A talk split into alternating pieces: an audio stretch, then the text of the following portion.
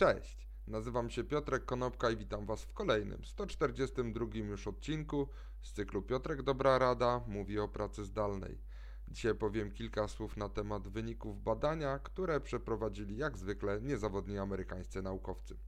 To badanie zostało przeprowadzone przez e, kilku naukowców z Harvard Business School. Jest to profesor Zoe Cullen e, oraz profesorowie Michael Luca i Christopher Stanton. E, kolejnym profesorem jest to profesor z University of Illinois Alexander Bartik i jeszcze jest profesor z Harvard University Edward Glazer.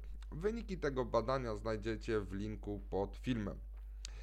Ci profesorowie przebadali członków takiej platformy rekomendacyjnej Alienable.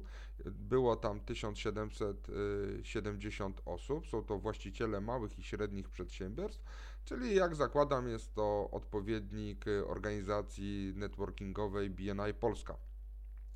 Uzupełniono to badaniem 70 menedżerów wyższego szczebla i to oczywiście nie są właściciele te osoby są pracownikami dużych y, i korporacyjnych firm należących do National Association of Business Economics, NAB. I jakie są wyniki tego badania? Przede wszystkim 16% pracowników, tak uważają respondenci, będzie pracowało zdalnie po pandemii. Aczkolwiek oczywiście wszystko silnie zależy od branży, ponieważ w finansach i w ubezpieczeniach 79% osób pracuje zdalnie. Przypomnę, są to dane dla rynku amerykańskiego. Praca zdalna jest częściej dostępna w branżach e, lepiej opłacanych i y, gdzie pracownicy posiadają wyższe wykształcenie.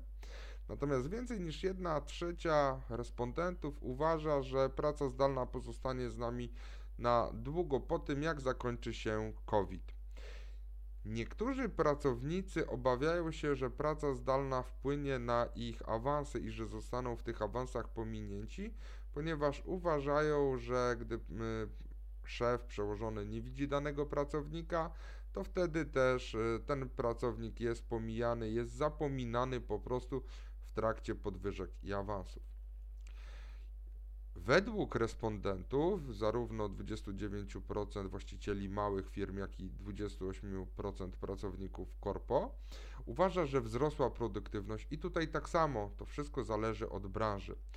W finansach i w ubezpieczeniach 32% respondentów uważa, że ich produktywność wzrosła, natomiast produktywność w realu dla całego sektora spadła o 13%. Tak więc, jak zwykle, nieza, niezawodni amerykańscy naukowcy przebadali odpowiednik y, y, organizacji networkingowej BNI, czyli organizację Alienable oraz y, organizację zrzeszającą menedżerów z dużych korpo i wyszło im, że 16% pracowników będzie chciało pracować zdalnie także po zakończeniu pandemii. Wyniki znajdziecie na dole pod filmem. Dzięki serdeczne, do zobaczenia i usłyszenia w poniedziałek. Na razie.